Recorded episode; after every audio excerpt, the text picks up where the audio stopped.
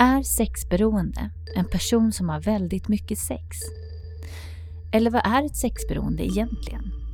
Finns det olika typer av sexberoende? Och hur påverkar det de anhöriga? Erik Sundby växte upp i USA och kom tidigt i kontakt med droger. Han smugglade narkotika över mexikanska gränsen och åkte till slut fast. Han fick flytta till sin mamma i Sverige där problemet fortsatte. Till slut nådde han sin botten och blev nykter. Allt var frid och fröjd. Erik hade sambo och barn och ett bra jobb som innebar att behandla andra.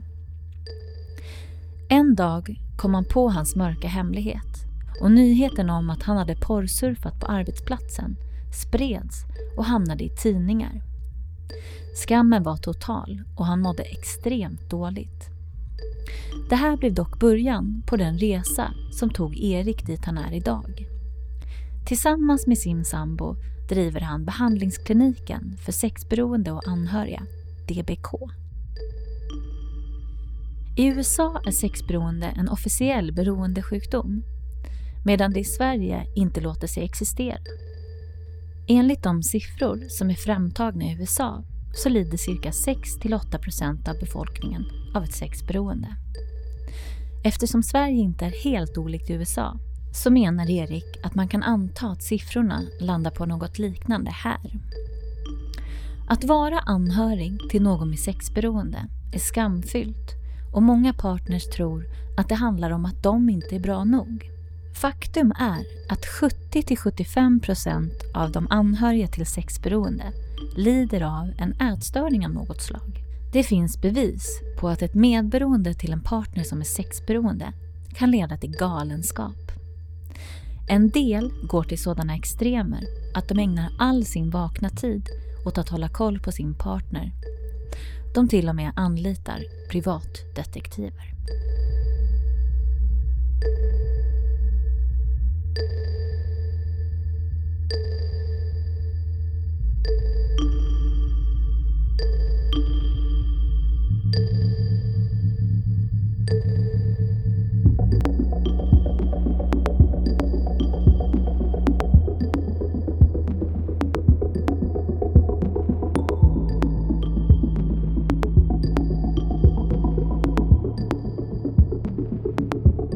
Välkommen Erik Sundby.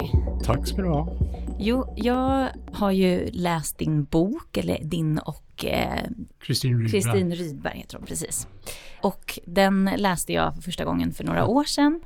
Men, eh, och nu har jag precis läst den igen. Och det är ju verkligen någonting att läsa en bok som har en sån övergripande bild kring det här ämnet, sexberoende. Ja, och jag, jag, tycker själv nu när jag ändå håller på med det här ämnet medberoende, att det är ganska det är svårare att hitta liksom en reflektion utifrån sexberoende perspektiv.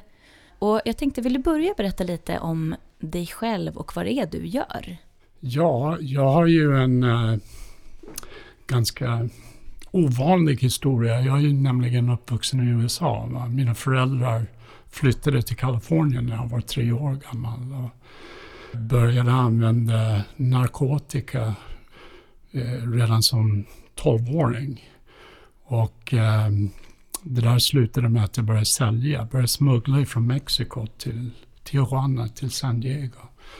Och så åkte jag dit för det när jag var 17 år. Eh, så jag fick två val. Eh, min, min advokat och distriktsåklagaren gjorde upp.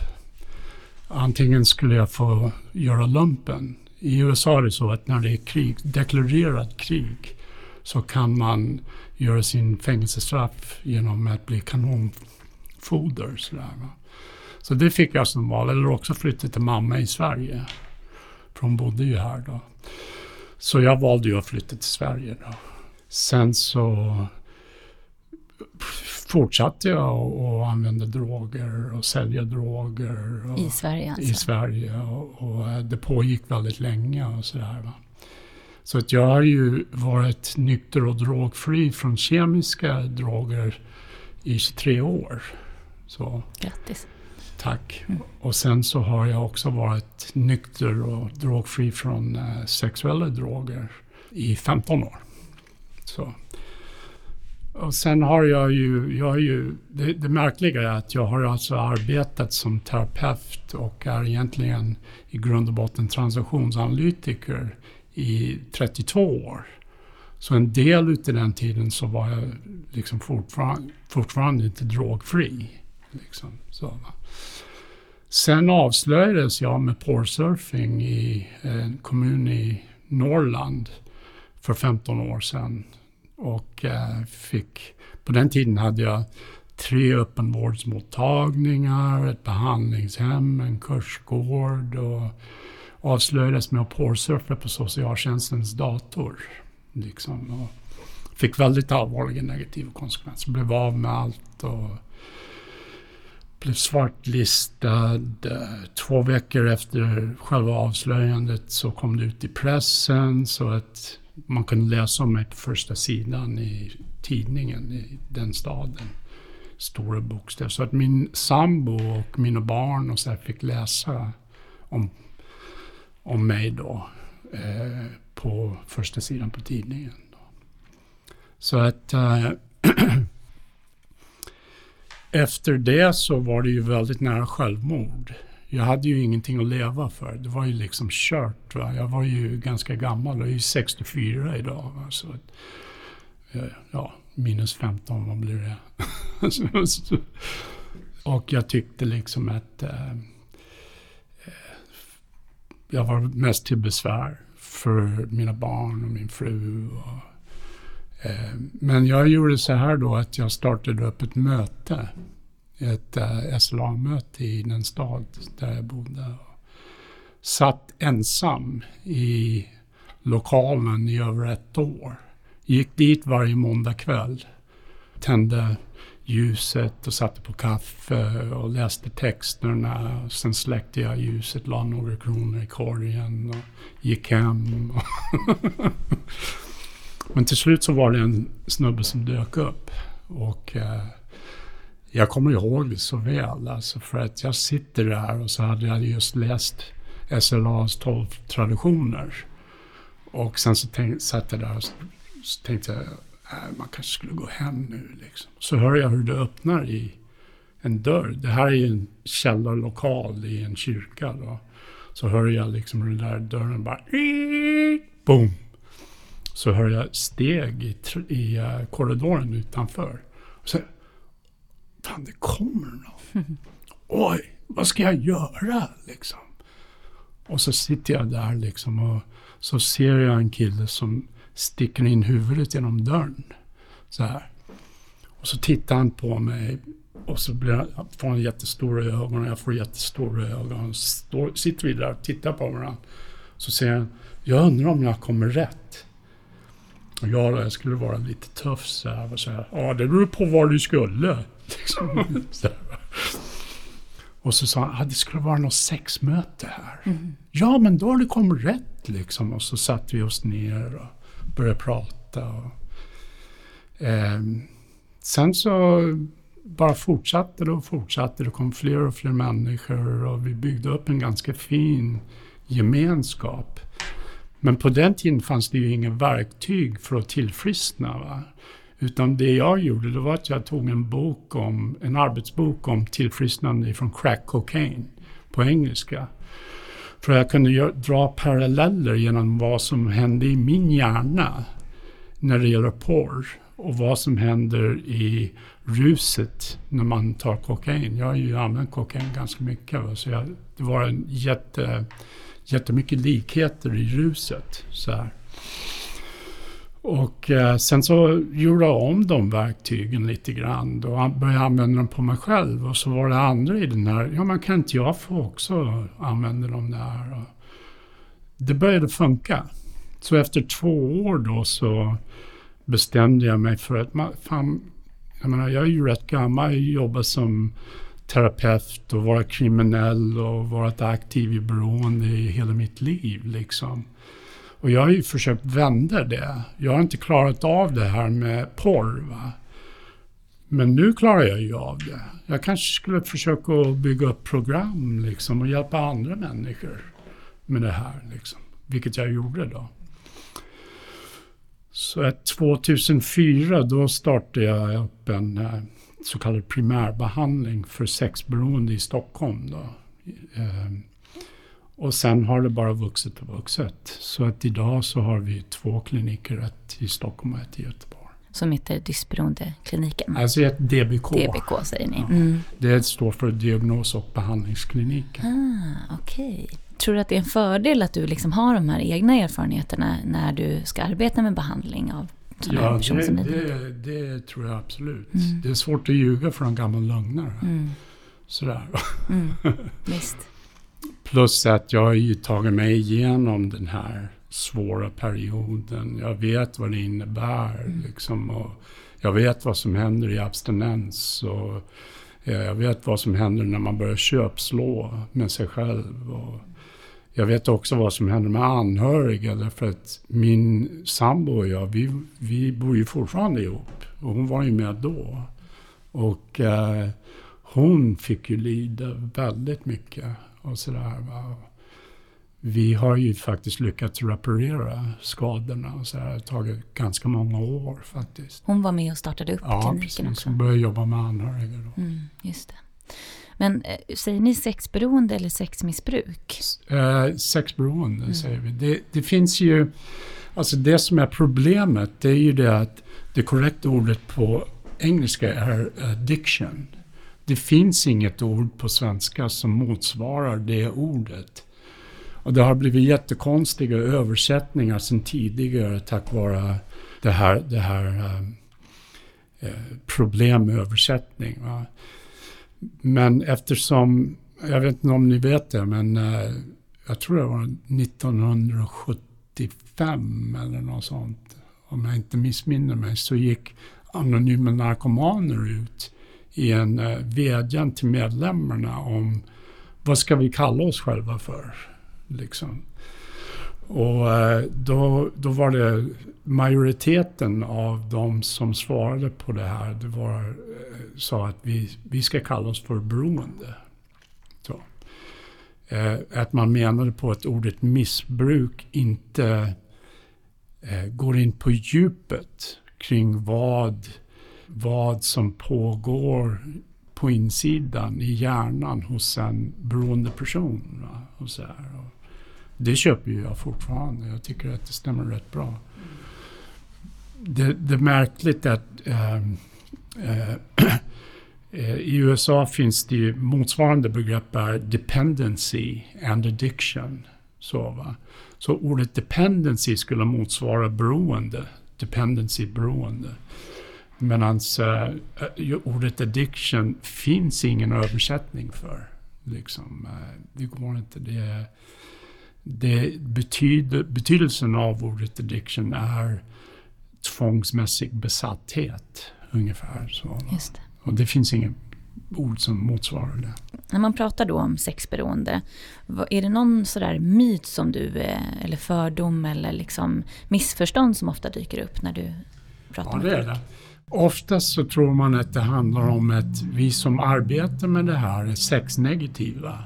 Det är framförallt det som är som är grejen då, att det finns en krock mellan eh, en tradition som handlar om personlig sexuell frihet och det här begreppet. Så det ställer ju till det för väldigt många människor. Och det kan man förstå, det är helt förståeligt, det är inget konstigt. Eh, det vi försöker eh, få folk att fatta, det är ju att tillfrisknande från sexberoende handlar om att utforska sin sexualitet. Att liksom hylla sig själv som sexuell varelse. Inte att det är precis lika skadligt att vara avsexualiserad som det är att vara sexberoende. Så, va? Och väldigt, väldigt ofta så får jag berätta för folk att det handlar ju om balans. Det handlar om balans och det handlar om att vara omvårdande och rädd om sig och inte gå från impuls till handling. Utan gå från impuls till reflektion och sen handla. Och inte utsätta sig för massor risker och sådär. Men du, eh, ni skriver också om att det finns tre olika kategorier av beroende då. Och dels är det de kemiska beroenden och det är ju alkohol och droger och så. Ja. Och sen har du processberoenden och det är spel, shopping, arbete och sådär. Och sen kommer då till njutnings och näringsberoenden. Ja, och då räknar man ju då mat och sex bland annat. Ja, eh, kan du förklara skillnaden på de här? Liksom? Jag ser att du vet, det, det där var utifrån den kunskap som fanns då. Mm. Vad kan man nu? Jo, vi kallar det inte för kategorier utan vi kallar det för områden. Mm. Så, det är ganska viktig skillnad på olika sätt. Men det, det, är ju min egen teori alltså, som, som jag finner lämplig att använda när man ska göra behandlingsplaner med folk och sådär. Att man, att man förstår att det finns olika områden. Och då är det det här, det här området som man har arbetat mest med och som är ganska väl eh, inkörd i samhället är ju kemiskt beroende. Det, det handlar om det, det, är i sig en ganska dålig ord därför att all beroende handlar om kemikalier. Det handlar om kemikalier som finns i hjärnan och det handlar om framförallt dopamin som finns i hjärnans belöningssystem och att man blir beroende av dopaminutsöndring. Det är bara olika sätt att trigga igång dopaminutsöndring i hjärnan. En del människor använder alkohol eller andra droger för att trigga igång eh, dopaminutsöndring i hjärnan. En, andra människor använder beteendemässiga eller process processer för att trigga igång dopaminutsöndring. Då, då är det ju spelberoende ett bra exempel på det. Arbetsnarkomani, träningsberoende. Sen så menar jag att man får nog lov att särskilja mellan de områden och just det här med närings och njutningsberoende som då innefattar sex och mat, socker och sådär. Och anledningen är helt enkelt därför att det, det, det, är också uttryck för naturliga behov. Alla människor måste ju äta varje dag och, och för att få ett bra liv och överleva. Och eh, sex är också en sån där grej som handlar om eh, artens fortbestånd och eh, om, om eh, eh alla människor har en sexdrift och det ska varken förtryckas, förnekas eller, eller det är en del utav livet som man behöver eh, hantera. Så, här, va? så att det som är skillnaden är ju då att det är naturliga behov när det gäller näring och njutning. Båda handlar ju om näring. Det, det, man får ju näring genom att ha sex med en människa den typ av näring som är precis lika viktig. Det är ett biologiskt behov som är precis lika viktigt som behovet av att andas och eh, liksom bli sedd och vara nära. Och så, här. så det går alltså inte att nolla på samma sätt som en spelberoende får inte spela bara, punkt slut. Du får inte göra det. det är liksom, gör du det så tar du ett återfall. Och det är likadant med alkoholister. Även om det finns konstiga teorier om att alkoholister kan lära sig att supa och så här, vilket jag tycker är bullshit, alltså som gammal alkoholist. Va? Om man är beroende av alkohol så kan man inte dricka alkohol, punkt slut. Liksom. Och varför ska man göra det? så. Däremot när det gäller mat och när det gäller socker och när det gäller, när det gäller eh, sex så är det någonting som man behöver hantera. Och tillfrisknandeprocessen från både mat och sex liknar varandra väldigt mycket. Man måste göra en plan för hur man ska definiera det som är destruktivt och som är tvångsmässigt och eh, hur man ska göra istället och eh, träna på att göra annorlunda och så här. Va? Vi pratar om olika beroenden då och att de generellt kommer från att det handlar om en trigger som du sa. Men hur uppkommer ett sexberoende? Om man tittar på eh, den statistik som finns. Nu, nu är det här eh, utifrån en undersökning som har gjorts med 10 000 sexberoende personer i USA som har sökt hjälp. Eh, som kommer 2014. Så, så det, det är inte helt färsk statistik och det är statistik från USA. Men den statistiken säger att 87 procent av människor som utvecklar sexberoende eh, kommer ifrån en miljö där det finns beroende i familjen. Och det behöver inte vara bara kemiskt beroende, det kan vara sexberoende eller det kan vara arbetsnarkomani eller, eller matberoende eller sockerberoende. 87 procent har beroende i familjesystemet. Eh, 77 procent kommer ifrån rigida familjesystem. Och när det gäller rigida familjesystem så är det kortfattat handlar det om sådana system där det finns väldigt mycket regler att följa. Det mesta utav uppväxttiden handlar om att överanpassa sig efter antingen båda föräldrars eller den ena förälderns krav och behov. Så att människor som växer upp i rigida familjesystem, de de lär sig inte färdigheter som handlar om att göra schyssta livsbejakande val. Så här, va? Utan de lär sig att överanpassa sig efter andra människors krav och behov. Så när man kommer upp i tonåren då, då finns det i alla fall två val som är jävligt tydliga. Det ena valet det är att bli rebell. Och det andra valet är att inrätta ett hemligt liv som inte föräldrarna känner till för att klara sig. Va? Och det gynnar som sagt var utvecklingen av sexberoende. 87 procent kommer ifrån disengagerade familjesystem. Och disengagerade, jag brukar säga att disengagerade familjesystem handlar om eh, att det finns ingen djup i, de känslomässiga, i den känslomässiga kontakten. Man är medveten om varandras existens men det är ungefär som skepp som möts i natten. Man bara seglar förbi varandra det, det, finns en avstånd i familjesystemet. Man talar inte om för varandra att man är älskad eller omtyckt eller är, är bra och så här. Va? Människor som växer upp i disengagerade familjesystem, de blir jätteduktiga på att fantisera. Jag har vuxit upp i en disengagerad familjesystem.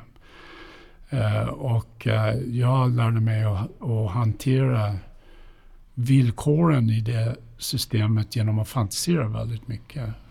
Och sen så blev det ju porr efter det, sexuella fantasier. Så, kopplat till droger. Mm. Sen finns det ju en kombination då. 68 procent av de som utvecklar sexberoende växer upp i både en rigid och oengagerad familjesystem. Så det är frågan om, oftast frågan om en rigid pappa och eh, en bortkopplad mamma som är upptagen av sina egna problem och inte är tillgänglig för barnet och barnets behov. Om man då tittar utifrån familjesystem och så och tittar på de trauman eller övergrepp eller kränkningar som, eh, ligger, som är väldigt bra om man ska utveckla sexberoende så handlar det om att eh, 97 procent av de här hjälpsökande har varit utsatta för känslomässiga övergrepp eller kränkningar. Och 81 procent har varit utsatta för sexuella övergrepp och kränkningar. Och 72 procent har varit utsatta för fysiska övergrepp eller kränkningar. Och det där skapar eh, traumatiska reaktioner hos barnet. Och en av de vanligaste eh, det är ju posttraumatisk stress. 64 procent av de som söker hjälp för sexberoende eh, uppfyller kriterier för posttraumatisk stress. Och 64 procent gör om trauma till njutning. Det kallas för traumatisk njutning. Va? Eh, vad menas med det? Ja, jag kan ge dig ett exempel om du vill. Mm, jättegärna jag träffade en kille förra veckan. Vi håller på att jobba med eh, hur han han dög aldrig för sin pappa. Det spelar ingen roll vad han gjorde så dög han aldrig. En gång fick han, eh, jag tror han var sex, sju, sju år var han. nej åtta var han. Så kom han hem från skolan, han hade fått fyror på sitt eh, betyg. Så, va? Och skulle vara jättestolt. Och nu kommer pappa vara jätteglad när jag fått fyror. Så, här, va? så skulle han visa pappan fyrorna. Titta pappa vad jag har fått. Och pappan bara som satt i vardagsrummet och läste tidningen, tittade bara på det där och så säger han Men vad fan kunde du inte få femmor för? Och så klappade han till honom så han for in i väggen. Ramlade ner på golvet och fick böcker över sig. Så här, va. Sen låg han där. Alltså i ett dissocierat tillstånd. Och så märkte han efter ett tag när han låg där att om han började ta på sig och onanera så försvann det här äh, svarta hålet som man hade inuti sig. Då. Det är att göra om traumat till njutning istället. Va? Många människor som har varit utsatta för våldtäkt till exempel eh, upprepar ett mönster av att utsätta sig för möjligheter att bli våldtagen igen för att göra om traumat. Så. En annan vanlig traumareaktion det är traumatisk blockering. Att man, 69 procent av de som utvecklar sexberoende har traumatisk blockering. Att man blockerar ut, går in i ett dissociativt tillstånd. Eh, man, man är där fast ändå inte hissen går inte ända upp, är det många anhöriga som upplever det som. Eller det fattas något, man är inte där. Va? 76 procent har en traumareaktion som kallas för traumatisk splittring. Det i sin tur lägger oftast grunden för det vi kallar för beroendepersonligheten och det riktiga jaget. Eh, att personligheten splittras mellan det som är gott och det som är ont det hemliga livet och det officiella livet. Och så här. 45 procent utvecklar det som kallas för traumatisk aversion. Och då är det ju oftast människor som utvecklar eh, det vi kallar för sexuell anorexi. Många människor utvecklar ju eh, eh, andra typer av anorexi. Och det är 45 procent som utvecklar det. Eh, det, det, vi jobbar väldigt mycket med, det kanske man kan, ska tillägga, det är om man tänker sig ett kontinuum. Å ena sidan har du eh, undandragande från sex. Och å andra sidan, nästa ytterlighet är ju sexberoende, att vara tvångsmässigt besatt. Mm. Så att Eh, de här personerna som vi behandlar, de kan, speciellt kvinnliga sexberoende personer, pendlar väldigt mycket mellan att vara tvångsmässigt besatt och att gå in i perioder av total avhållsamhet och undandragande. Och det är ju den här traumareaktionen som handlar om traumatisk aversion plus eh, traumatisk splittring så här, som gör det. Och eh, 72 procent har en traumareaktion som kallas för traumatisk skam. Alltså på svenska blir det nog skamprägling. Så att det som styr i de val man gör i livet, det är skam. Personen är skambaserad. Oftast när det gäller människor som växer upp, tyvärr, i religiösa miljöer och hårt hållna, rigida system och sådär, så är det väldigt mycket skam. Och 69 procent ägnar sig åt traumatisk upprepning. Att man upprepar traumatiska händelser som, som eh, om man har varit sexuellt övergreppad så upprepar man det också i sina sexuella utageranden och så. Och 69 procent av de hjälpsökande ägnar sig åt traumatisk bindning och lär sig det under sin uppväxttid. Och att binda sig till personer som inte är bra för en. Det är väldigt många kvinnor som, som binder sig till män som är otillgängliga och, och som är skadliga, farliga och utsätter sig för risker och så. Men allt det här som jag beskriver hittills då, det ger upphov, det som finns i, under barndomen hos sexberoende personer, det är ju en katalytisk miljö som eh, som eh, skapar ångest och stress och via de här traumareaktionerna. Och det ger sig, sig uttryck i de, i de typer av sexberoende som man utvecklar en tvångsmässighet i. Kan man säga att liksom den sexuella utagerandet eller handlingen blir som en överlevnadsmekanism då för att hantera traumat? Ja, precis. Det är ju väldigt mycket det. Det, det är ju det. Det, det är... Eh, eller, det är både det och en medicin och ett sätt att få lättnad i de flesta fall. Men då kommer det här med internet i bilden. och det, det, är ju inte nödvändigtvis så då att människor som fastnar på sexuella uttryck som finns på nätet är, har en grundläggande trauma, trauma grundläggande traumareaktioner. Och, eh, det finns ju olika grader av användning när det gäller, när det, gäller det vi kallar för cybersex. Då. Det, då är det så att människor tittar på, på internet av ett antal olika anledningar.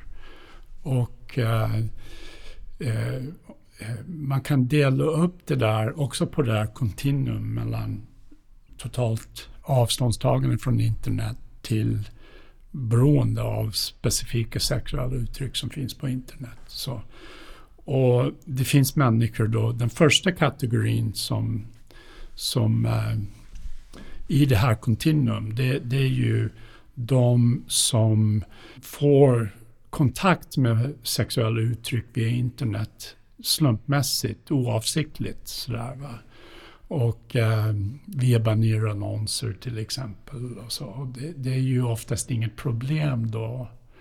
Sen nästa steg, det är sådana människor som avsiktligt går in på internet och använder sexuella uttryck för att hitta en partner eller för att eh, Eh, på sin fritid och det kallas för fritidsanvändare.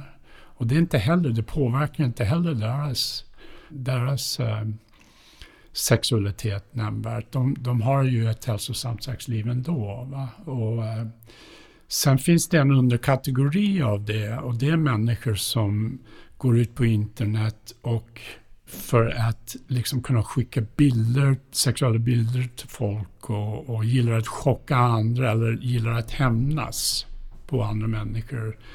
Eh, hämnas oförrätt, det de själva upplever som oförrätter, lägga ut bilder på före detta tjej till exempel. Och det börjar bli lite skadligt där, alltså, men det är inte frågan om ett beroende eller ett missbruk, utan de kan, de kan ha eh, hälsosamt sexliv också. Men, men att eh, det är ganska olämpligt det de håller på med och skadligt för andra egentligen. De gillar att chocka andra och, och gillar, eh, har det här hämndbehovet. Sen när man börjar komma upp, och det, det är alltså de flesta människor är i det här fritidsanvändargrejen. Va? Det, det, jag har ingen siffra på hur många, men eh, det är typ 90 procent som är i det. Så använder, använder internet, sexuella uttryck, cybersex på sin fritid och det fungerar för dem och sådär. Va? Sen är det ju 10 procent då utifrån statistik eh, som, som eh, har problematiska beteenden via internet. Och då är det den första gruppen på skalan då eh, är en grupp som kallas de som nyligen upptäckt internet. Den här gruppen, det som nyligen upptäckt internet, eh, det kan man likna med en person som inte haft problem med alkohol tidigare men tar tar sitt första sup liksom och hans relation till alkohol blir tvångsmässigt per omgående väldigt fort liksom. Det kan man höra, ta, höra på, på olika A-möten, alltså just det här med det här första supet och vad det innebar för en person. Det är den kategorin av människor som är den första gruppen eh, som har problem. Då.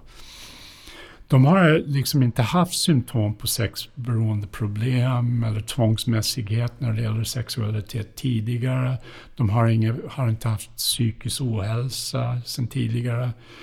Eh, inga väsentliga livskriser eller problem. Men de förlorar kontrollen över, det, över sin relation till cybersex väldigt fort. Och eh, går in i en tvångsmässighet då. Så. Sen finns nästa grupp på den här kontinuum som heter den predisponerade gruppen. Och det är människor som för det mesta har kunnat kontrollera sina sexuella tankar, känslor och begär. De har haft fantasier om att göra olika saker, till exempel fan man skulle gå ner på porrklubben eller eh, gå ner på det där eh, eh massagesalongen, thai, thai. Men de gör det inte därför att de har sociala kontroller, både internt och externt, som hindrar dem från att göra det. Och deras spärrar har också släppts när det gäller internet. Deras, deras, por, deras användning av cybersex eh, avleder dem från att upptäcka och eh, vara delaktiga i verkliga relationer. Så att de går ut på nätet, till exempel på en dating så här, och det blir mer intressant att chatta i det på bekostnad egentligen av att bygga upp och underhålla riktiga, verkliga relationer. Så, så att ofta ställer frågan om ensamma människor som inte har de verktyg de behöver för att bryta ensamheten och tror att det här ska hjälpa. Fast det gör inte det, för det är ju en fantasi. Va?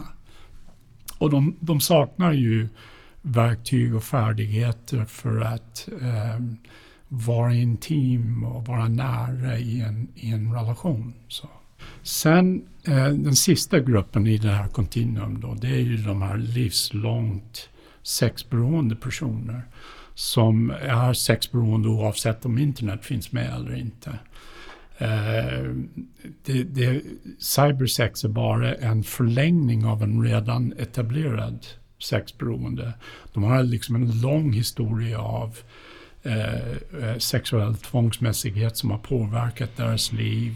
De kommer ifrån en rigid eller oengagerad familjesystem. De har utvecklat traumareaktioner som har skapat ångest och stress och de hanterar det och har gjort det länge då eh, eh, genom att utveckla tvångsmässighet kring specifika sexuella utagerande. Och de skulle utagera oavsett om internet fanns eller inte. Det, det, internet är bara ytterligare ett sätt att fly från, uh, från ångesten. Du har i princip varit inne lite grann på det, men det finns ju många som slänger liksom uttrycket sexmissbruk och så här och att man kanske har en idé om att det är en person som har mycket sex som är sexmissbrukare. Var går gränsen? Är det just det här när det börjar bli tvång eller vad? Det finns tio kriterier eller symptom för, för sexberoende. Men för att förenkla det så är det framförallt tre symptom som måste vara uppfyllda för att man ska räknas som en sexberoende. Då. Och det är ju tvångsmässighet då, framför allt. Det innebär då att man kanske har lovat sig själv att man ska upphöra med en specifik sexuell aktivitet men inte klarat av det under en längre tid. Man kanske har gått in i en aversions anorektisk fas sådär. Men att det här kommer ju tillbaka, suget kommer tillbaka, att man har gjort det ett, antal gånger då. Där man eh, behöver rannsaka sig själv och kolla, är det verkligen jag som bestämmer över min sexualitet? Eller är det min sexualitet som bestämmer över mig? Så, va? Det är det första. Det andra det är att man fortsätter med ett specifikt beteende fast man får negativa konsekvenser av det. Så, va? Och det tredje det är tankemässig upptagenhet eller besatthet, att vara invaderad av sexuella tankar och fantasier, även fast man inte vill, utan eh, man har problem med att eh, inte fantisera om sex sådär, under dygnets alla timmar. Eller så är man tankemässigt upptagen med att sopa igen spåren efter sig. Ungefär så. Har du något exempel på det sista där du pratade om? Ja, jag kan ta ifrån mitt eget liv. Alltså Eva och jag, min sambo, vi hade ju en jättedestruktiv dans för oss. Där jag blev ju expert på att dölja mitt porranvändning. Medan hon blev ju expert på att upptäcka min, min användning, att, att vara detektiv och så här. Va? Det spelet, det pågick ganska länge mellan oss. Men ingen pratar om det. Mm. en eh, del då som jag tror både beroende och medberoende generellt har problem med är ju intimitet. Kan man, vad är intimitet till att börja med? Det finns en sån här gammal uttryck som stämmer ganska bra faktiskt. Into me you see. Det, det, är ju så, alltså det finns väl inget område i livet eller i, en, i relation till andra där man är som mest äkta när man har, en, har sex med en person. Där går det inte att gömma sig. Eh, eller rättare sagt så är det så här att man kan gömma sig i sin sexualitet. Och man kan um, Eh, men man kan, inte, man kan inte vara i en relation och gömma sig i sin sexualitet. Va? Utan själva, själva anledningen till varför vi har ett sexliv det är ju för att vi ska vara öppna och ärliga och nära varandra. Att man ska ha en bundsförvant och så här. Och någon att lita på, någon att dela livet med. Och så här. Och, och eh, att tillåta sig att ha en bundsförvant som finns där eh, för mig eh, och för dig och för alla som är i en relation. I både det som är gott och det som är jobbigt och sådär. Men varför har man så svårt med den här intimiteten då? Jag tror att när det gäller sexberoende personer så är de oftast rädda för det såklart. Eh, det finns en annan företeelse som vi inte har pratat så där jättemycket om än. Det finns en uh, ett problematik som kallas, kallas för married to mom problematiken. Jag vet inte om du har hört talas om det? Nej, jag vet faktiskt inte. Det, det, det, det ord som mest uh, beskriver det tillståndet på svenska, det, det är känslomässig incest. Det handlar inte om en sexuell incest, utan det handlar om att man har lärt sig redan som liten grabb att ens uppgift i livet är att ta hand om mamma på olika sätt. Så, här, va? så att det, då tar man med sig det in i sin, sin relation. Att en, min uppgift är att, att vara den som tar hand om allting. Och, eh, det krockar ju om du har en, en partner som är medberoende såklart. Så krockar ju det. Och till slut så känner sig den här den här eh, mannen som är married to mom då, utsatt för känslomässiga, känslomässiga, eh, känslomässig incest. Eh, då, då, gör han att, då känner han sig inträngd i ett hörn och vill ta sig ut därifrån. Och kan göra det via arbete eller via, via porr på internet eller datingsajter eller sexchat eller köpa prostituerade eller sådär. Va? För att få lättnad. Det pratas ju en del om också så här korsberoenden. Mm. Att det är ganska vanligt att eh, exempelvis eh, då en narkoman kanske har ett sexberoende också. Hur hanterar man det? Finns det var ska man börja liksom? Ja, man ska alltid börja med det som är överst i byrålådan och då är det ju det här kemiska, alltså det här drogberoendet. Det blir så konstigt när man pratar om sådana här gammaldags termer, va? men substansberoende då. För det, det, påverkar ju så pass mycket socialt och andligt och, och eh, så, äh, eh, känslomässigt och psykiskt och sådär. Så det behöver man ta hand om först. Så vi tar inte gärna emot patienter som har ett kem, äh, substansberoende om de inte har mellan två till fem års nykterhet. Va? Därför att det är väldigt svårt att avgöra om deras gränssläpp och destruktivitet i sitt sexliv är ett, eh, en konsekvens av, av drogberoende. Eller om det är ett eh, tillstånd i sig, så ett beroende i sig. När vi talar då om sexberoende så, här, så, så nu har ju du nämnt några olika delar och sådär. Att det är ju, som jag sa, det är kanske vissa som har en bild av att man har väldigt mycket sex med folk. Liksom. Men ni har delat upp det då i eh, de tio, tio vanligaste typerna. Eh, och jag läser upp dem först då. Det första är fantasisex. Sen är det voyeursex. Eh, förförelse och erövring. Exhibitionism, svårt ord. Köpt sex. Utbytessex. Sexstöld. Anonymsex. Utbyte av smärta och eh, exploaterande sex eller sexuella övergrepp. Mm. Tänkte om vi bara kan gå igenom dem lite grann så att vi förtydligar då man börjar med fantasisex där då. Det handlar om att man är tvångsmässigt besatt av sexuella fantasier. Att man gör sexuella pjäser i sitt huvud som man är upptagen med under stora delar utav dygnet. Va? till och med när man sover faktiskt. Så att, eh, då är det ju personen själv som är producent, han är skådespelaren, han är regissören i de här pjäserna som de har i, i huvudet, som utspelar sig i hjärnan. Va? Det är oftast, det är inte så här att man är antingen har någon utav en typ när man söker hjälp. Oftast är det så att man har mellan två till fem typer som man, som man söker, som när man kommer och söker hjälp så har man det då. Mm. Oftast så hänger fantasisex ihop med andra typer av sexberoende, till exempel voyeuristisk sex. Och det är nästa grej som finns i den här skalan, för det är faktiskt en skala va? som vi kan gå in på sen mm. kanske.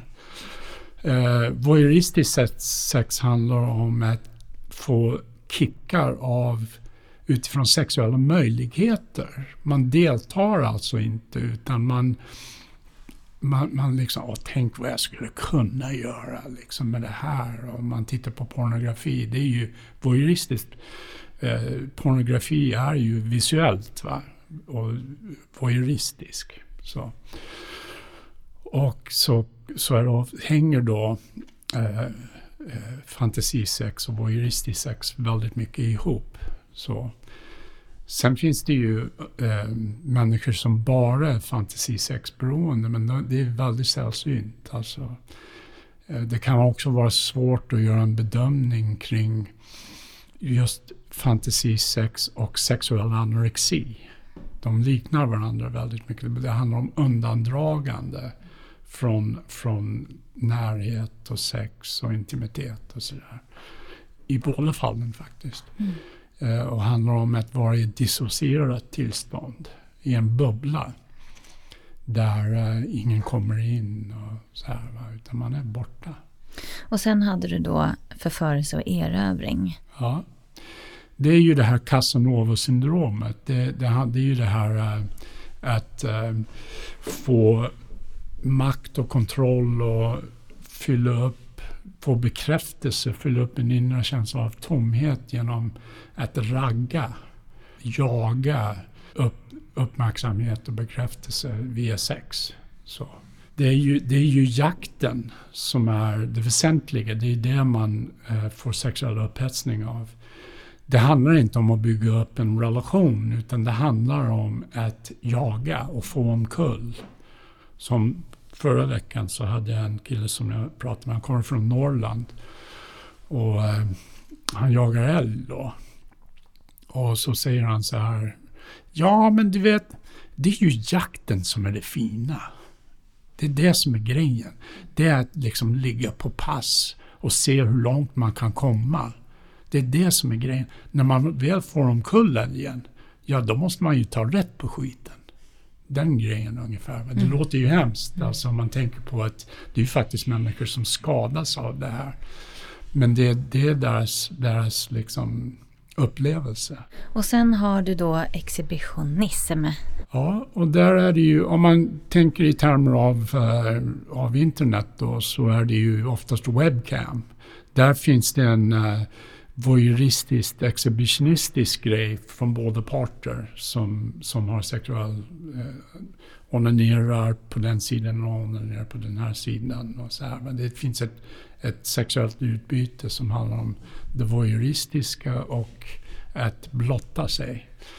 Sen finns det ju de här klassiska människor i parker som blottar sig. Och, eh, men det behöver inte alls vara så extrem. Det kan också vara frågan om eh, att man klär, klär sig och får liksom en känsla av bekräftelse och uppmärksamhet kring eh, hur man är klädd och sådär. Som skulle också kunna vara ett problem, inte alltid, men som skulle kunna vara ett problem för många människor. Och sen så kommer vi då till köpt sex. Nu börjar vi närma oss mer och mer olagliga ja, eh, delar av det. Men köpt sex då? Köpt sex, det handlar ju om att ge pengar för en sexuell tjänst. Det handlar om att göra om mänsklig sexualitet till en affärsangelägenhet. oftast är det frågan om, när det handlar om män i alla fall som köper sexuella tjänster, så det handlar det om män som har vuxit upp i en miljö där de får bekräftelse och uppmärksamhet kring det de gör, tjäna pengar och i motsats till att vara älskad för den de är. Det är också ett sätt att eh, hantera bristen på förmåga till intimitet.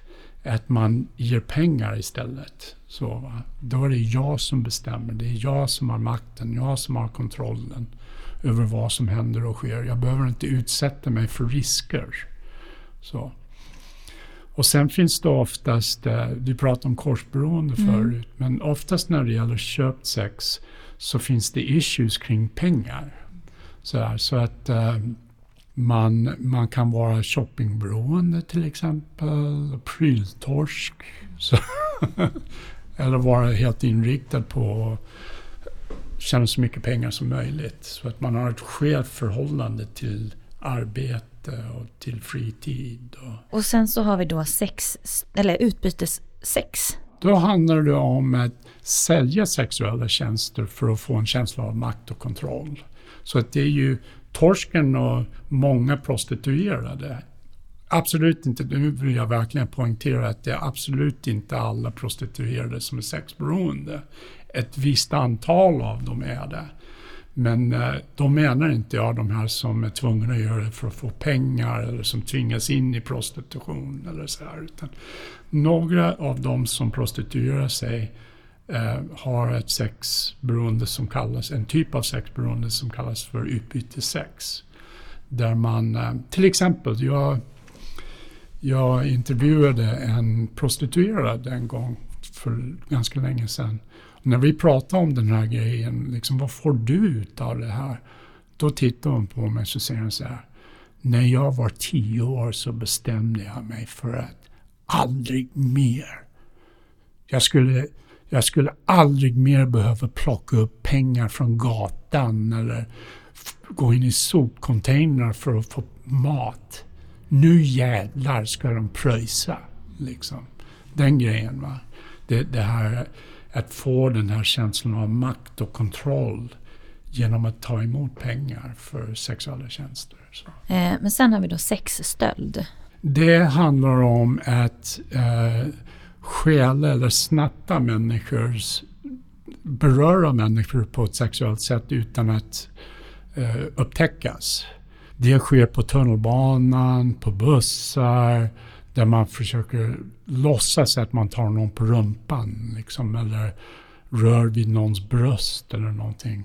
Och låtsas som att det inte var meningen. Och det man kickar på det är, det är den sexuella kicken eller drogen är att komma undan. Nu kommer jag undan. Det, det, är väldigt sällan som det är ensamt som sagt var utan det ofta så hänger det ihop med andra typer av sexberoende.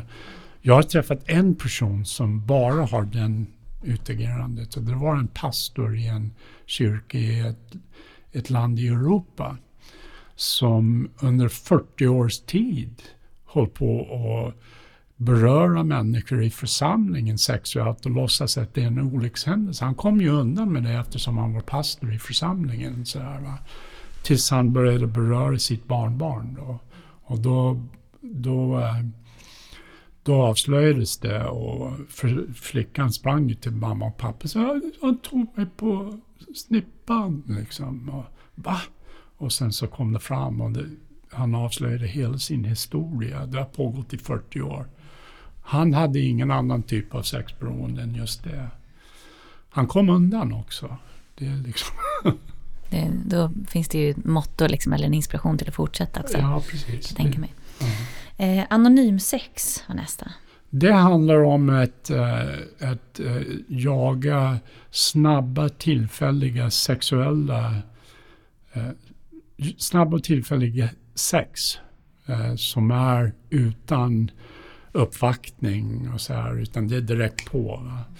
Och det sker via datingsajter. Det, det kan också vara frågan om gay personer som, får, som har anonym sex i parker eller på bastuklubbar. Och det är kvinnor som eh, som eh, jagar unga män via nätet och träffar dem sådär jättefort, har sex i bilen och sen hem och sådär. Utbyte av smärta? Det handlar om att en person hjälper en annan att upprepa barndomstrauman i det här sammanhanget. Som handlar om, det, det som händer nu, dels i, det börjar här med, med sexstöld och framåt så, så kommer det upp en problematik som kallas för invasion. Att antingen låta sig invaderas eller att invadera andra. Överskrida gränser. Och nu börjar vi komma upp i typer av sexberoende som handlar om att erotisera eller sexualisera vrede. Så att det finns liksom en underliggande ilska, alltså som är väldigt stark, som ger sig uttryck i eh, att antingen låta sig invaderas eller att invadera andra. Just när det gäller utbyte av smärta, då, då hjälper varandra att upprepa trauman. Inte att alla gör det, men, men att när det gäller människor som är tvångsmässigt besatta eller sex, uppfyller det här med kriterier eller symptom för sexberoende och gör det. Just. Då är det det det handlar om. Och sen den sista tionde där då, exploaterande sex eller sexuella övergrepp. Då handlar det om att utnyttja det sårbara hos andra. Oftast är det så att människor som ägnar sig åt övergrepp riktar sig på specifika målgrupper. Så att man riktar sig till till exempel handikappade eller eh, äldre kvinnor eller barn eller så här. Och sen så utvecklar man eh, eh, olika strategier för att komma till en punkt där man kan invadera de här människorna sexuellt och sådär. Och det här är ju liksom saker som, eh, som är olagligt och jag tänker nu, eh, bara senaste veckorna så har det ju pratat väldigt mycket om sexuella övergrepp i, mm.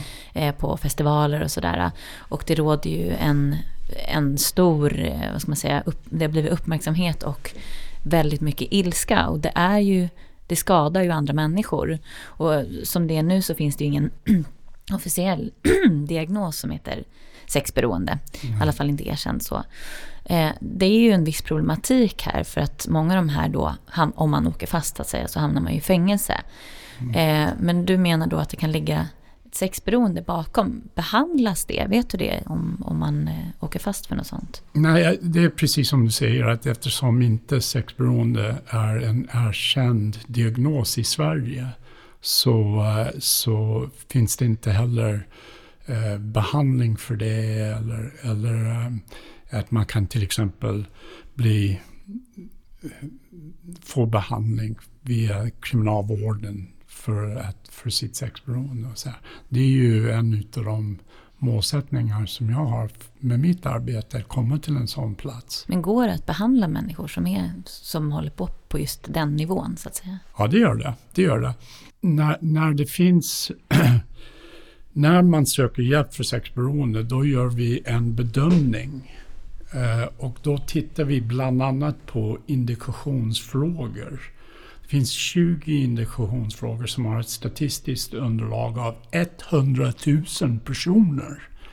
Och alltså det är mycket mer än eh, om man ska ha, göra en studie kring borderline personlighetsstörning eller bipolaritet eller så här. Där brukar undersökningarna vara typ 5000. Vi har alltså ett statistiskt underlag av 100 000 personer som har sökt hjälp för sexberoende. Och genom att intervjua de 100 000, vi har 100 000 fallbeskrivningar alltså. Men det räcker tydligen inte. Liksom. Nu blev jag sådär upprörd. Ja. Jo men det är bra, var det. Vi får vara lite politiska i det här också. Ja. Genom att intervjua de 100 000 personer så har man kommit fram till eh, 187 beteenden som de har ägnat sig åt. Då har man tittat på två faktorer. Alltså deras upplevelse av eh, kicken i det de håller på med. Så här, på en skala från 0 till 5. Och då har man också tittat på eh, eh frekvens. Också på en skala från 0 till 5. Så det man letar efter när man gör bedömningar det är mycket fyror och femmor. Både när det gäller upplevelsen av kicken och frekvens. Så, va? Och, eh, så det finns ju väl underbyggd bedömningsverktyg som man kan ägna, använda sig av. Som är statistiskt relevanta och så här, men som inte Socialstyrelsen eller Folkhälsoinstitutet eller så där är intresserade av. Liksom, eh, av någon konstig anledning. Mm. När man tittar på bedömning då har man en skala från 1 till 20 som man tittar på. När det gäller de som söker hjälp, vi har ju öppen vård hos oss. Va?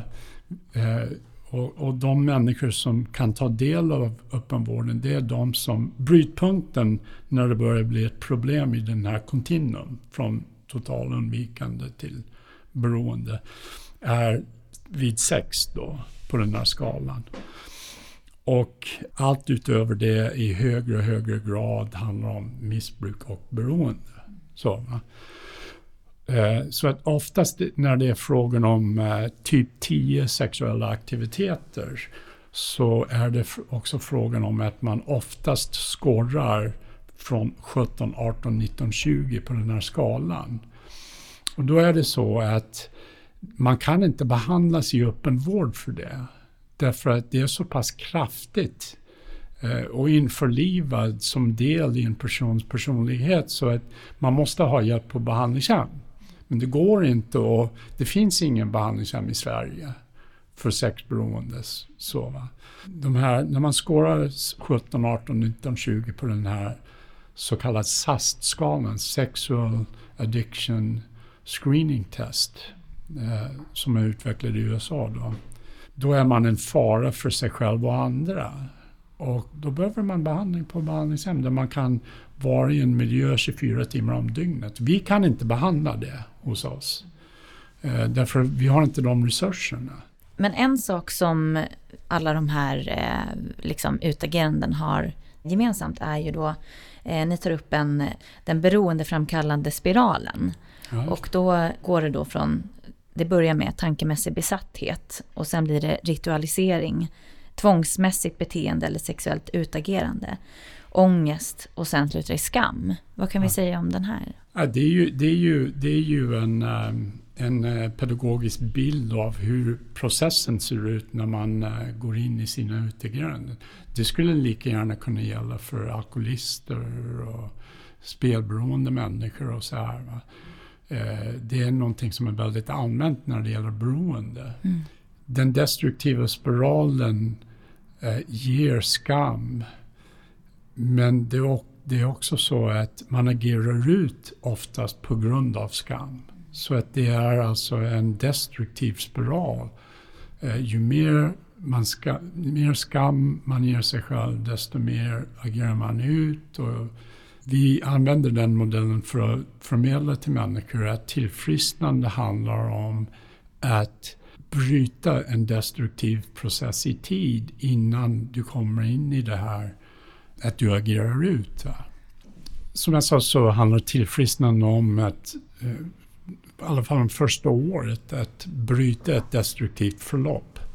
Och eh, då behöver man liksom se om sitt hus när det gäller dagliga rutiner och eh, hur man har det i sina relationer, hur man har det i sin sexualitet och att man liksom måste vara åtagen sitt eget tillfrisknande. Sådär, va? Vi arbetar väldigt mycket första året med det vi kallar för motkrafter eller interventioner, sätt att hejda ett destruktivt förlopp i tid så att säga. Va?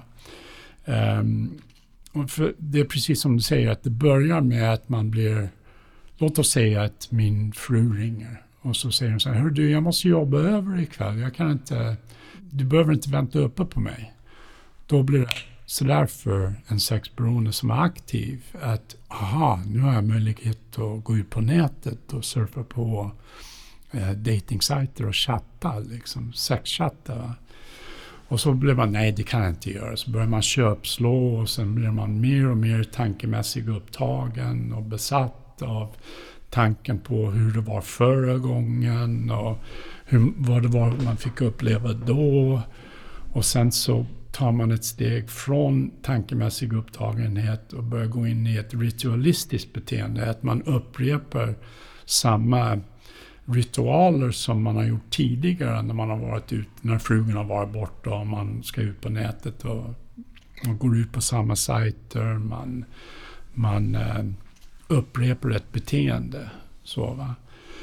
Eh, sen när man har gjort det tillräckligt mycket, då kommer nästa fas. Eh, man går in i eh, sin sexuella utageranden och sen så eh, får man oftast utlösning och sen så kommer skammen och så här. Så att om man ska bryta det här från, från början, då måste man bryta. Ju mer ritualistiska beteenden man ägnar sig åt, desto svårare är det att sluta.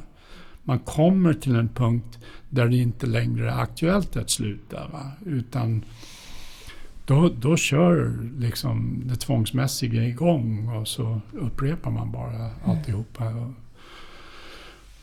På, till slut så säger man, men hur fan har det kunnat bli så här? Det var ju inte meningen. Liksom. Och då, då, för att man ska veta för att man ska veta hur det blev så här så måste man liksom titta på de ritualer som man ägnar sig åt och hur man kan göra för att motverka det. Så. Sen finns det ju då något som kallas för kärleksberoende. Jag ja, kan ju känna igen den här spiralen även hos medberoende och så. Ja, Men vad är det som definierar ett kärleksberoende? Det är lite svårare. Mm. Jag är ju absolut ingen expert på kärleksberoende. Det, det, det vi märkte på vår klinik då, det är ju när det gäller anhöriga så märkte vi att ganska många av dem som gick i vår anhöriggrupp fas 1 som handlar om traumabearbetning, det handlar om att bearbeta posttraumatisk stress och så där, som är relaterat till specifika avslöjanden. Så där, va? Men sen när man börjar liksom leka sig från traumareaktioner när det gäller avslöjanden så, så börjar man komma till ett läge där man kan börja titta på sig själv också och se om det finns någonting som jag upprepar i det som har hänt och sådär.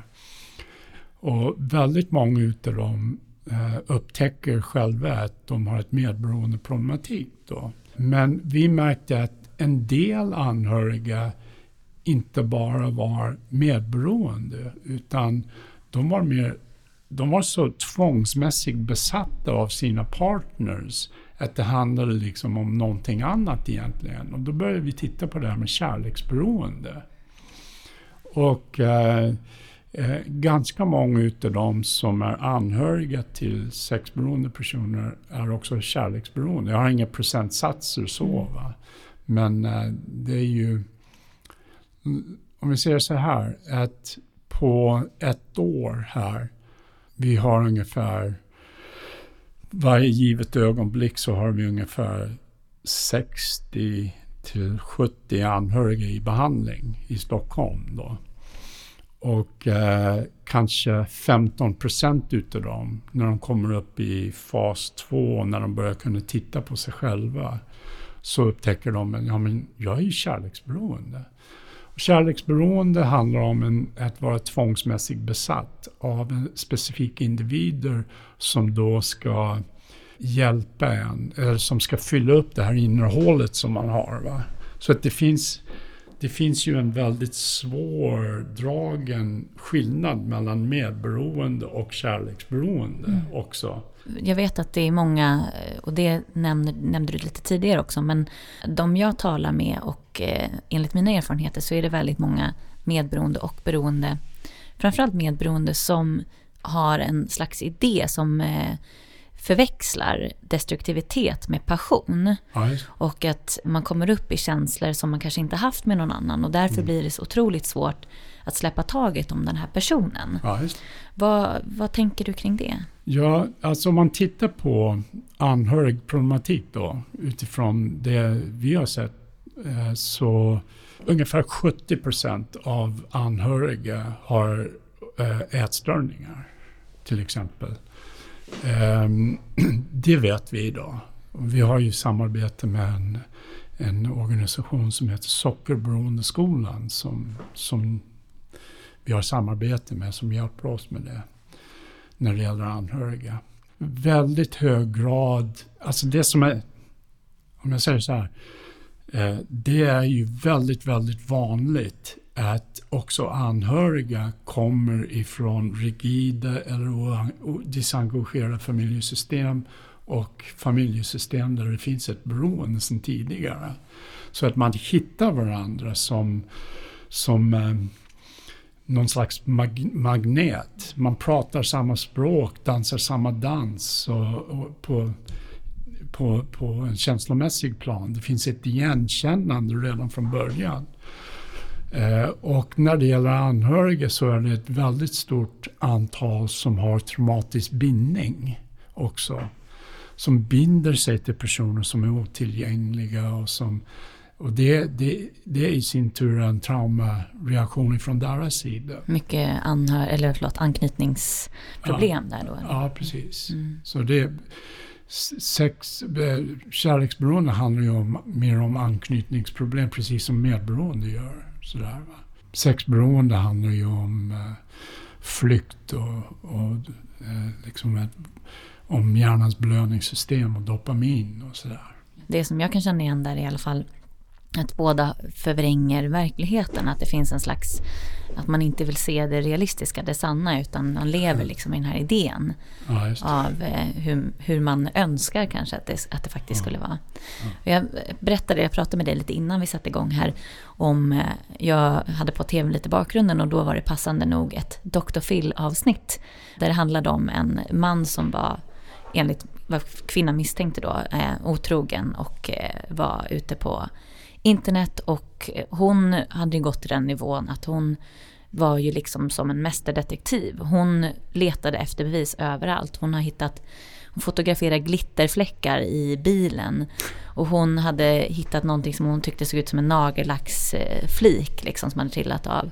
Och hon var ute på Craigslist och hittade nakenbilder som hon då tyckte, så hon jämförde med nakenbilder som hon hade fått av hennes man och jämförde där. Och ja, och hon hade hittat då, vissa bevis hade han erkänt liksom. Eh, men just det här att hennes, om man tittade på hennes perspektiv, så var, vart ju hon fullkomligt galen. Och det blev ju istället en spiral av att hon måste hitta bevis som bevisar att hon inte är galen, utan att hon, hon har rätt. Och då så sa jag det att utifrån ett friskt perspektiv som, så tänker man ju så här, varför går du inte bara om du får de här bevisen? Men vi vet ju att det här är jättestarka drifter och mm det bevisar hur mycket man behöver varandra för att, liksom, eh, ja, för att kunna fortsätta den här spiralen. Har du också erfarenheter av att, eh, att då partner har gått till extremer för att, för att hitta bevis eller sådär? Absolut.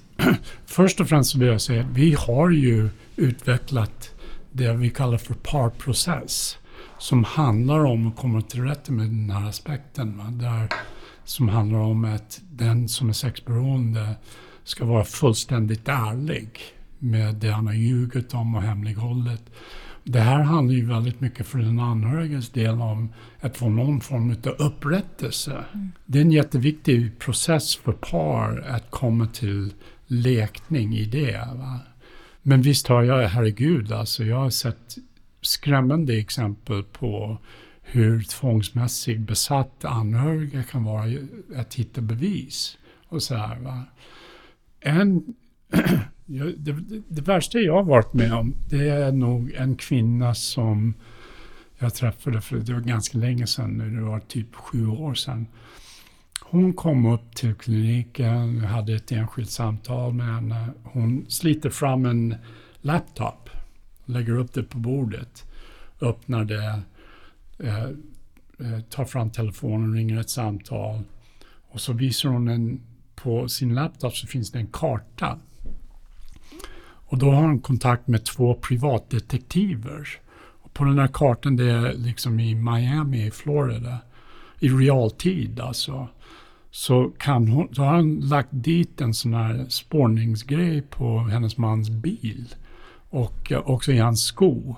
Så att hon kan, hon kan se var han kör och ha kontakt med några detektiverna och de följer honom och, och så säger de så här, titta här nu, jag tror att han kommer att stanna här. Ja, det gjorde han. Ja, nu ser du att han kliver ur bilen.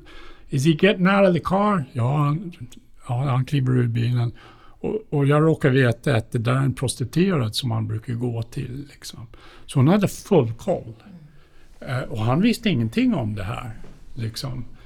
Men hon var helt och hållet upptagen med vad han gjorde eh, under hela, hela dygnet. Jag menar, hon hade den här datorn och de här privatdetektiver var i tjänst liksom 24-7 så här, va? för att samla bevis. Mm. Det var ju så, den här kvinnan då som var med i programmet, att hon blev, ju, hon blev av med sitt jobb. Ja. För att hon ägnade liksom hela tiden åt att leta bevis. Mm. Och det är lätt att skratta åt de här sakerna. Man förstår ju att det här är ju, man är ju extremt sjuk om man, eh, man fastnat i det här mönstret. Liksom. Och man mår ju otroligt dåligt av det. Mm. Jag läste i boken också om eh, kring er klinik så kommer tre av fyra till er i form av par. Mm. Eh, och hur, jag tänker så här, den sexberoende behöver ju behandlas, men hur kan man hjälpa den anhöriga då? När det gäller anhöriga så har vi tre faser i behandlingen.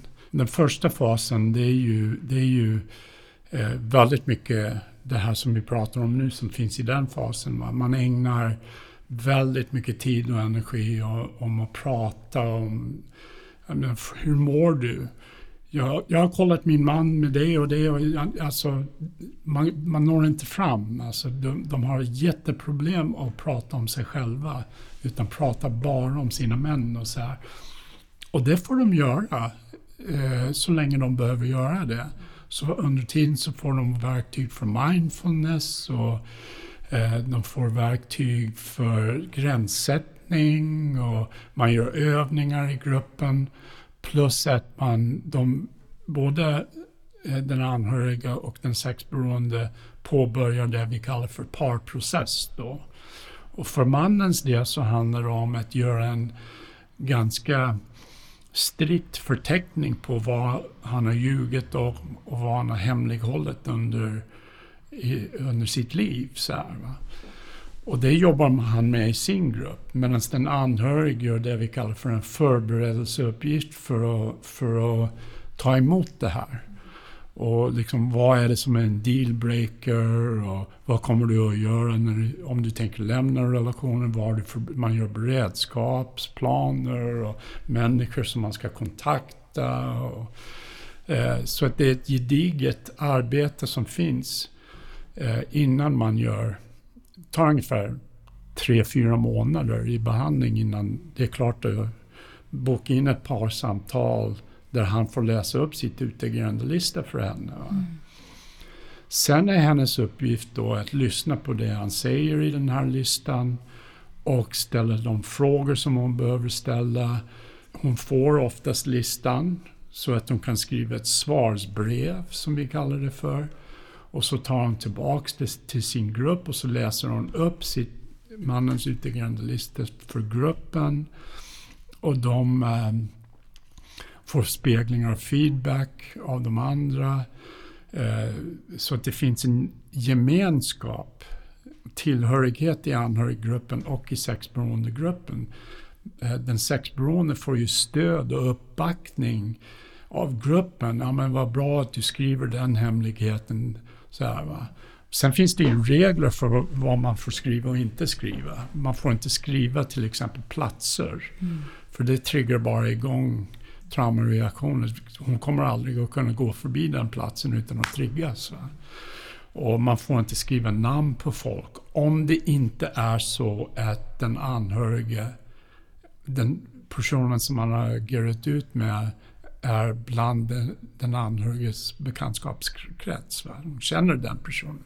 För då har man ju rätt att få veta. Den här utagerandelistan, vad, vad står det på den här utagerandelistan? Det står till exempel Uh, Hej Astrid, här kommer mitt utegrandelista. Och så står det, jag utvecklade porrberoende när jag var 12 år genom att hitta pappas porr. Och använde det under hela min eh, tonårstid. Jag tror att mitt sexberoende stabiliserades eh, och blev ett problem redan när jag var 25 år och hade en flickvän men vänsterprasslade ständigt. Var aldrig trogen i, i, den relationen och jag var aldrig trogen i relationer efter det. I våran relation så har jag 2011 eh, träffat en arbetskamrat och haft tillfällig sex med henne. Och sen så fortsätter man bara skriva helt specifikt hur, hur, vad man har ljugit om, hemlighållit om och hur mycket pengar man har lagt ner på det. Och det, det där leder ju till att den anhörige kan få, alltså 25-öringar trillar ner. Aha, det var då. Mm. Just det, det var det som hände. Ja, just det. För att en del utav spelet mellan anhöriga och sexberoende personer handlar ju om det här med att den sexberoende tokiggör den anhöriga. Och eh, liksom skyller allting på henne och så här. Nu får hon ju bekräftelse på att mycket av det hon har fantiserat om och känt att det är något som inte stämmer. Eh, man får reda på hur mycket det är som stämmer. Mm. Sådär, va? Det hjälper ju det här med, med att, um, den traumareaktionen. Att, att um, ens paranoida fantasier som traumareaktion då uh, behöver inte nödvändigtvis vara 100% sanna. Men man får reda på hur mycket sanning det ligger i den, de nojorna som man har haft. Sådär, va? Vilket är väldigt lekande. Och sen så tar hon tillbaka det här utegrande listan till sin grupp och så skriver hon ett svarsbrev på det. Så bokar man in ett nytt parsamtal och så får hon läsa upp sitt svarsbrev. Vilket han tar till sin grupp och mm. läser upp och får speglingar. Sen kommer nästa grej och det kallas för klargörande brev. Där den sexberoende också tar ansvar för alla gånger han har tokiggjort, vilka försvar han har använt, om det finns eventuella nya hemligheter som inte har tagits upp i det här första och så vidare och så vidare. Så vi har ju, och det avslutas då med det som kallas för empatibrev. Där man sätter sig in i varandras situation och visar empati utifrån det. Så det, det är ju en väldigt lång process som handlar om lekning för båda parter. Mm. Och det är också en sån här grej som, eh, vi vet ju att det finns generellt väldigt mycket skam hos eh, de som eh, är beroende av alkohol och deras anhöriga. Men eh, tror du att det här liksom med sexberoende och vara anhörig till sexberoende, finns det ännu mer skam där? Absolut. De allra, allra flest, flesta, det är ett undantag när det finns anhöriga som har en nätverk eller personer som man kan prata med om det här. Va? Det är ju därför vi, det är en av de största anledningarna till varför vi har anhöriggrupp. För att det är också väldigt läkande att träffa andra som har upplevt samma saker och är lika nojiga och lika rädda och li, lika svikna och kränkta mm. om det som har pågått. Så, så nej, det, det, undantagsvis så har man någon som man kan prata med. Och den här, jag tänker också den här, äh, om det är någon som har varit otrogen, att det i sig kan vara väldigt svårt att förlåta och att då relatera det till att den här personen är sjuk och hur mycket har jag rätt att vara arg versus hur mycket måste jag acceptera och förstå den här sjukdomen. Ja, det är ja, svår balans, tänker jag. Ja, det är det ju och det är självklart att det är ju, det är ju, det är ju jättebra. Det, det, det, är nog snarare så här att vi måste pusha anhöriga att uttrycka ilska. Och, och liksom verkligen tillåta sig att uttrycka vrede. Så det, det är oftast inte det som den sexberoende har gjort specifikt som är mest som, som anhöriga känner mest svik, svik, ilska kring, utan det är det faktum att man har blivit ljugen för. Det är det som är sviket, sveket i relationen. Mm. Och det är ju självklart då att man har rätt att vara arg för att andra människor sviker en. Men att många anhöriga har väldigt svårt. Antingen så uttrycker de inte ilska, överanpassar sig på grund av traumatisk bindning. Så. Eller också så fastnar de i ilska och det kör som en loop i hela deras liv. Inga av de ytterligheterna är speciellt hälsosamma i, i längden. Nu pratar vi också väldigt mycket i eh, perspektiv att en beroende är en man och eh, anhörig en kvinna. Jag antar att det finns eh, andra varianter också med motsatt eller om det är av samma kön eller så. Ja, absolut. En sån här klassisk fråga som många anhöriga ställer sig är kan jag göra någonting för att stoppa den här sexberoende? Jag tänker, vi pratade om avslöjande och många gånger måste en beroende nå någon slags botten för att kan ta tag i det här. Vad, vad har du att säga om det? Det, det, det är lite komplicerat. Va? Därför att jag, jag, jag, tror att det är väldigt, väldigt viktigt för anhöriga att förstå att det finns ingenting som de hade kunnat göra annorlunda som skulle ha gjort att inte den här de här situationerna hade uppstått. Det handlar inte om dem. Liksom. Det, är inte, det är inte så att de ska förändra sitt utseende eller att, att det beror på att de är för fula eller dumma eller taskiga eller avsexualiserade eller, eller inte kan och så här. Det handlar inte om dem som individer. Eh, det finns alltså ingenting som man kan göra som hade gjort att, det inte, att den här personen hade utvecklat ett sexberoende eller varit utagerande i relationen. Det, det är ju grundgrejen. Va?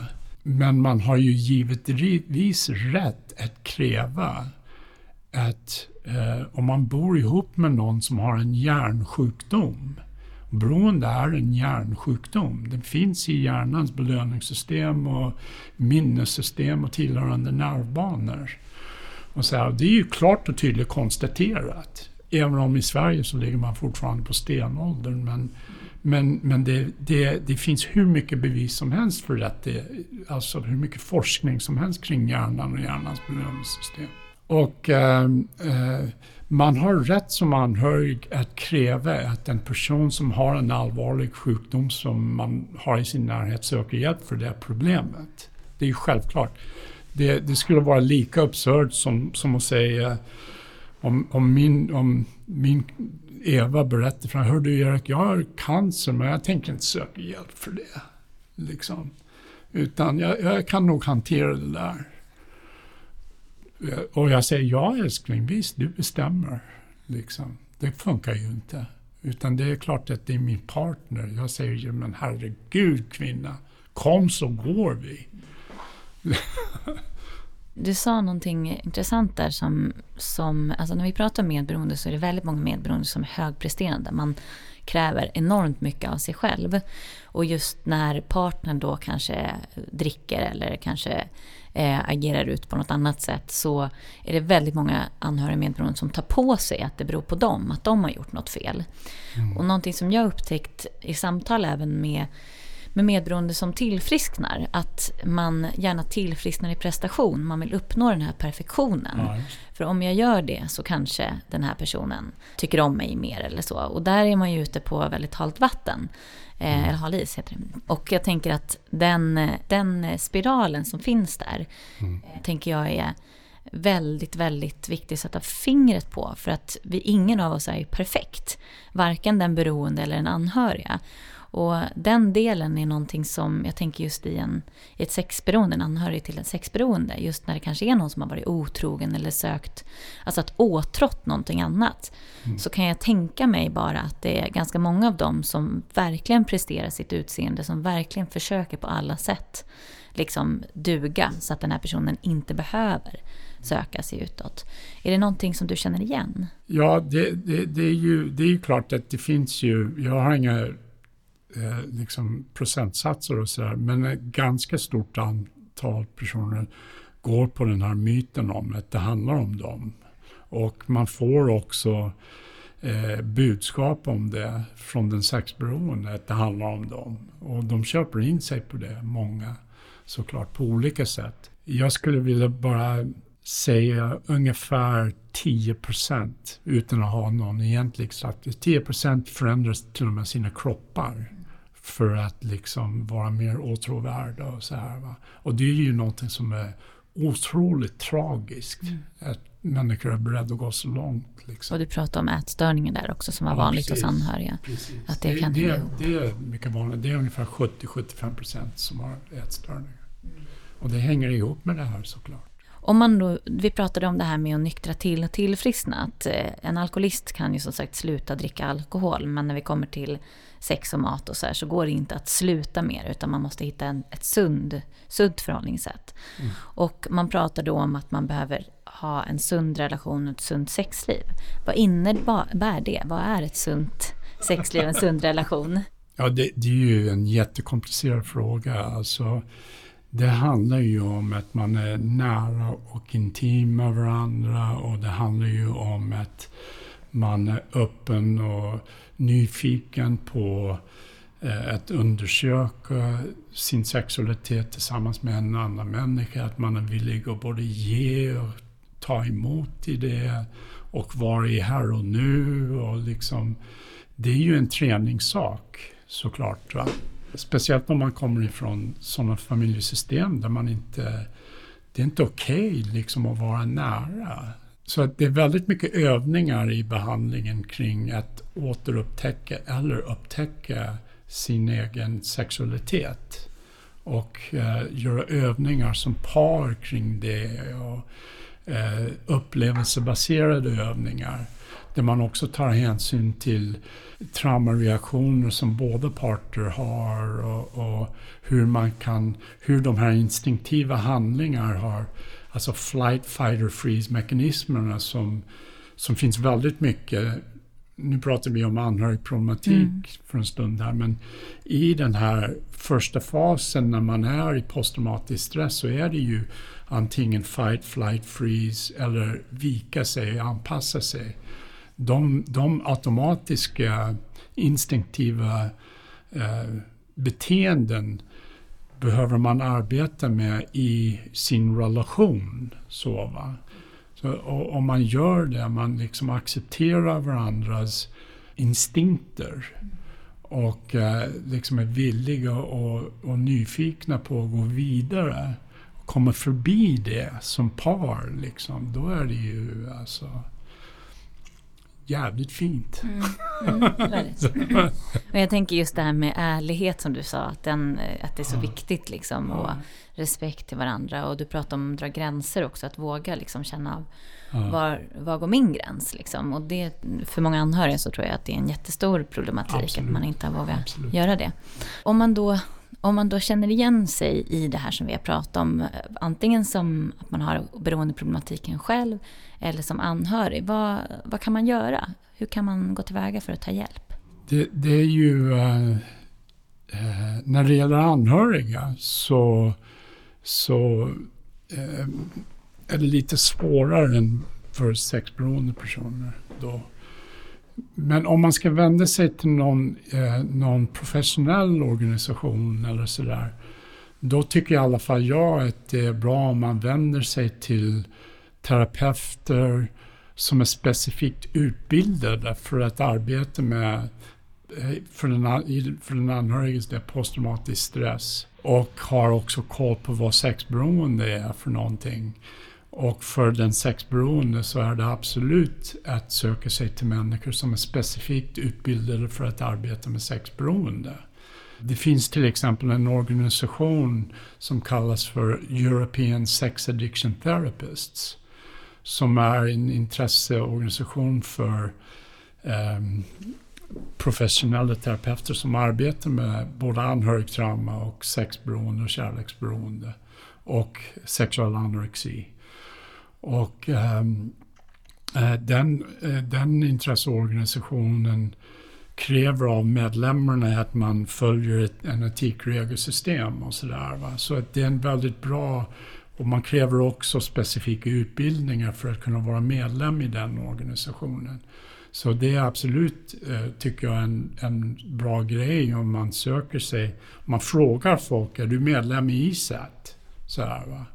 Sen finns det ju eh, givetvis självhjälpsgrupper. Och det, det, min erfarenhet just, just när det gäller anhöriga det är ju att det är väldigt, väldigt svårt att gå till en självhjälpsgrupp om man är ensam och skämd och nästan omöjligt skulle jag tro. Alltså då är det ju bättre att man söker hjälp via, eh, via någon terapeut eller medberoende organisation mm. eller så här.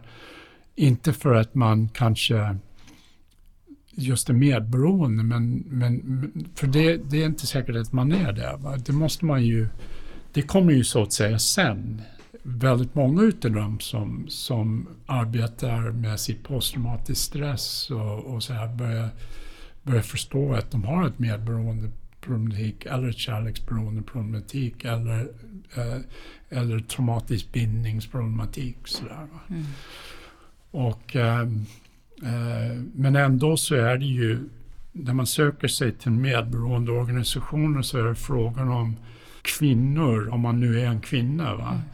Eh, som vet vad det handlar om. Som har gått igenom väldigt mycket egna trauman och sådär. Och, och, eh, där man kan få ganska bra hjälp och sådär. Men kan man som anhörig söka sig till er utan att man har sin ja, beroendepartner ja, exempelvis? Ja, mm. Jo, men vi tar emot eh, anhöriga också. Ja. Och vi kommer lägga ut eh, kontaktuppgifter och så också, hur man vänder sig till, till dig och er. Finns det någon statistik på hur många som lider av ett sexberoende? Det finns ingen ifrån eh, Sverige eftersom de, det är ganska ironiskt alltså. De 5878 sexberoende personer som har sökt hjälp sedan 2005 när vi började föra statistik. De finns egentligen inte. de, de har, har liksom gått i behandling för ett problem som inte finns. Liksom. Mm. Vilket är ganska ironiskt. Mm. Statistik från USA, det finns väldigt mycket olika statistik. Eh, jag brukar använda en statistik som kommer ifrån SASH, eh, Society for the Advancement of Sexual Health, som är en intresseorganisation för terapeuter och så här.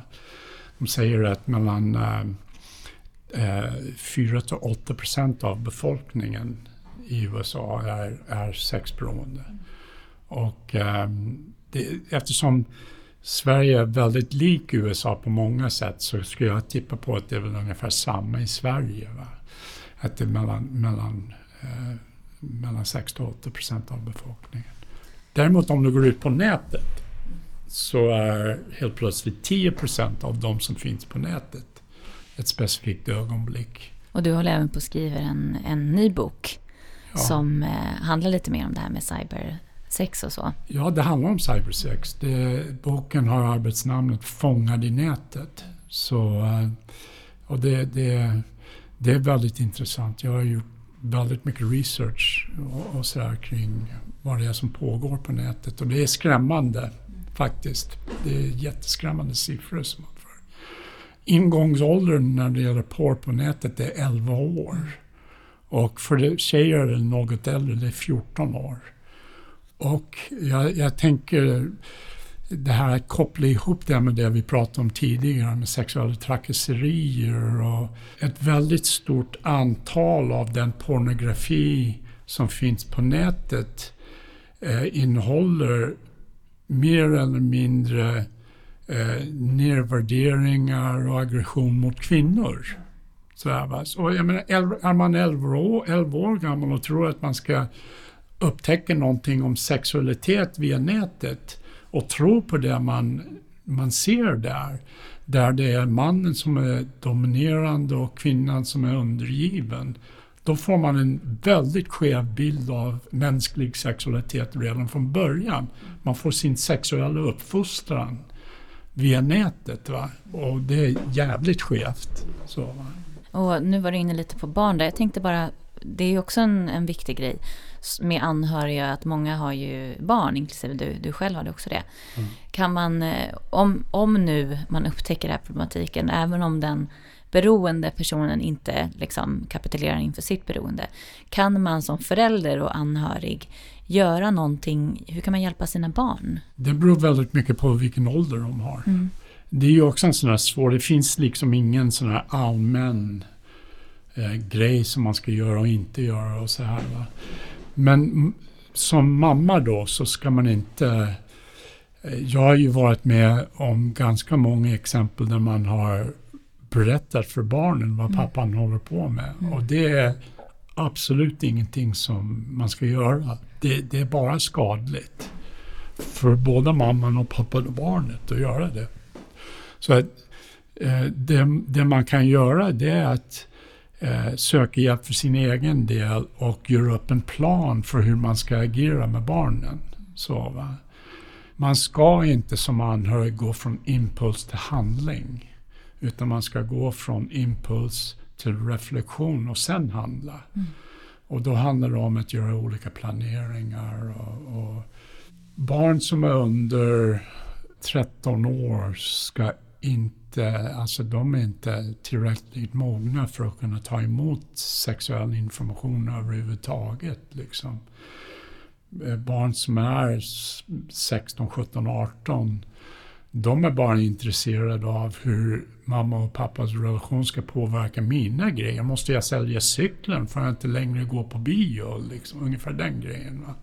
Och sen över, om det finns vuxna barn i relationen, då är det ju ganska lätt att göra upp en plan för hur man ska agera. Jättefint. Jag låter det bli sista ordet. Tusen tack Erik för att du var med och gav den här fantastiska kunskapen. Tack ska du ha för att jag fick komma. Tack.